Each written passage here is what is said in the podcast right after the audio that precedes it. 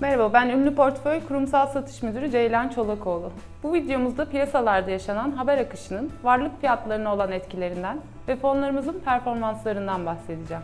Temmuz ayında FED tutanakları, delta varyantı gibi faktörlerle düşüşler sonrasında yukarı yönlü hareketi kısıtlanan Amerikan borsaları, şirket finansal verilerinin güçlü gelmesi ve benzer destekleyen faktörler sonucunda yukarı yönlü hareketini sürdürdü. MSCI Dünya Endeksi, Amerika ağırlığı sayesinde yeni rekor seviyelerine ulaşırken, MSCI Gelişen Piyasalar Endeksi zayıf performans gösterdi. Özellikle Çin'in endeksteki ağırlığının yüksek olması ve Çin'deki şirketlere yönelik olumsuz yasal süreç bu düşüşte etken oldu. Türkiye'de ise piyasalar bayram öncesi risk iştahının azalmasına bağlı olarak gelişmekte olan ülkelerin negatif hareketine katıldı. Ancak bayram tatili sürecinde yurt dışı piyasaların negatif hareketinden ayrıştıktan sonra tatilin de bitimiyle hareketlenen BIST 100 endeksi MSCI Gelişen Piyasalar Endeksinden önemli oranda iyi performans verdi. MTA tarafında yukarı yöndeki fiyat hareketiyle Çin ile Amerika arasındaki navlun fiyatlarındaki artış tüm dünyada olduğu gibi ülkemizde de enflasyon beklentilerinin artmasına sebep oldu.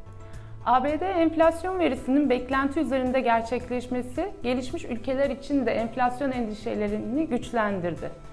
Bu anlamda varlık alımının azaltılması ve faiz arttırımları hem Amerika hem de Avrupa haber akışında takip edildi. Türkiye'de de enflasyon verisi beklentinin üzerinde gerçekleşti. Böyle olması para politikası tarafında daha sıkılaştırıcı adımlar atılabileceğini gösterdi. Kur faiz tarafında Türkiye'nin 5 yıllık CDS oranı 383 seviyesinde, DXY endeksi 92 seviyesinde kalmaya devam ederken, TL gelişmekte olan ülke para birimlerinden ayrışarak Temmuz ayında döviz sepet karşısında %3 değer kazandı. ABD 10 yıllık tahvillerinde genel olarak faizler düşük seviyelerde kalmaya devam etti. TL tahvilleri tarafında ise TL'nin değer kazanmasına paralel olarak verim eğrisinin her seviyesinde aşağı yönlü hareket gerçekleşti. Varlık fiyatlarından bahsettikten sonra fonlarımızın performansına da kısaca değinelim.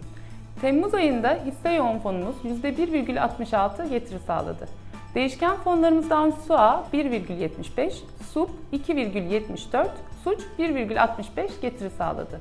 Değişken fonlar piyasa ortalaması %1,10 olduğundan her üç fonumuz da piyasa ortalamasının üzerinde performans gösterdi. UPP fonumuz %1,66 getirisiyle Tefas Para Piyasası fonları sıralamasında birinci oldu.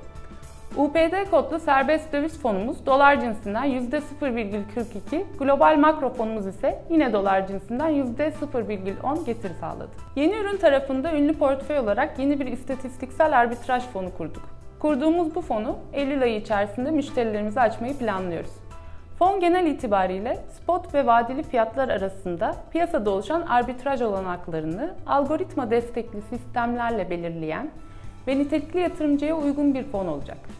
Fonlarımızla ilgili detaylı bilgileri Ünlü Portföy'ün internet sitesinde bulabilir, iletişim bilgilerimizden bizlere ulaşarak sorularınızı yönlendirebilirsiniz. Zamanı kazanca dönüştürmek için Ünlü Club'ı takip etmeye devam edin.